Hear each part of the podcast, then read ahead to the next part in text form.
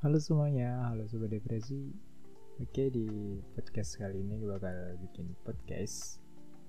Uh, Susahnya mencari pekerjaan itu judulnya Pasti kalian juga udah tahu di judulnya. Tapi podcastnya bukan cerita Oke udah dirangkum manis gitu.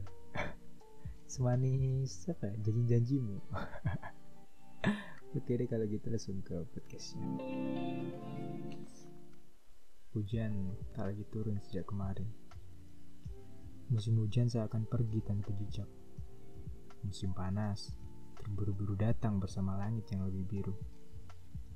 Sepoi angin yang lebih hangat, cahaya matahari yang lebih berani.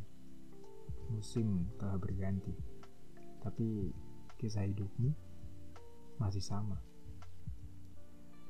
Pagi itu, kamu bangun bersama kecemasan yang sudah hadir tanpa diminta.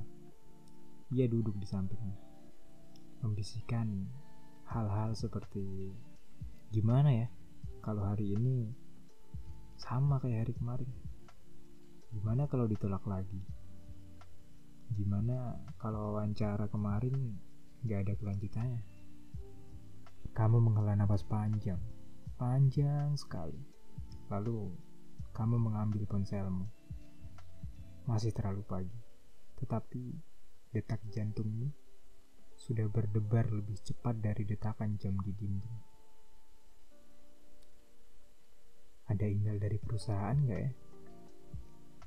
Ada undangan wawancara lagi nggak ya? Lowongan apa lagi ya yang harus aku lamar? Sudah lebih dari setahun kamu mencari pekerjaan membuka berbagai macam situs portal lowongan pekerjaan, melamar di sana-sini, lupakan soal idealisme. Yang penting mendapatkan pekerjaan. Mendatangi job fair ini itu hasilnya nihil. Surau terbuka, tak ada pesan baru. Sampai kapan kayak gini? Karena jujur, kamu malu. Malu semalu-malunya mau keluar kamar, nanti ayah atau ibu akan berkomentar. Kamu ini tidur terus di rumah, gimana mau dapat pekerjaan? Mau keluar rumah, nanti tetangga dan kerabatnya bertanya. Kerja di mana sekarang?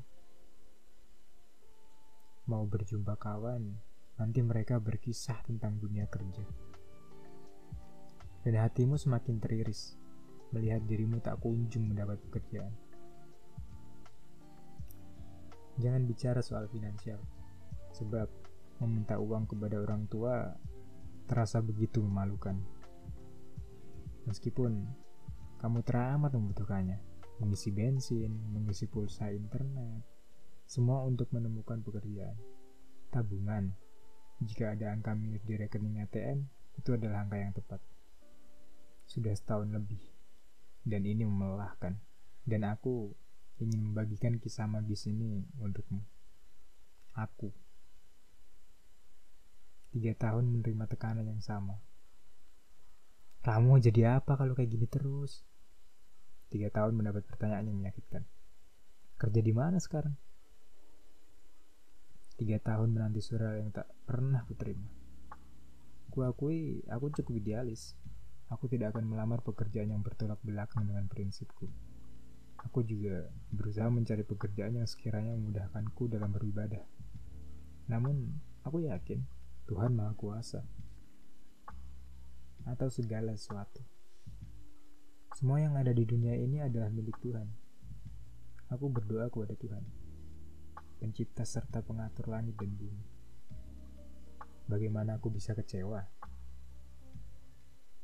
Selama tiga tahun itu, aku berusaha mengingatkan diriku Uang bukan datang dari perusahaan. Uang bukan datang dari perusahaan. Perusahaan hanya sebab. Dan ada sebab-sebab lain untuk mendapatkan uang. Perusahaan hanya salah satu sebab. Masih ada sebab-sebab lain. Jadi, aku mengejar sebab-sebab lain itu. Tak hanya sekedar sibuk mengisi aplikasi di sana-sini. Aku memiliki target-target baru. Semua penolakan yang kuterima tergantikan dengan penerimaan yang jauh lebih baik. Jauh, jauh lebih baik.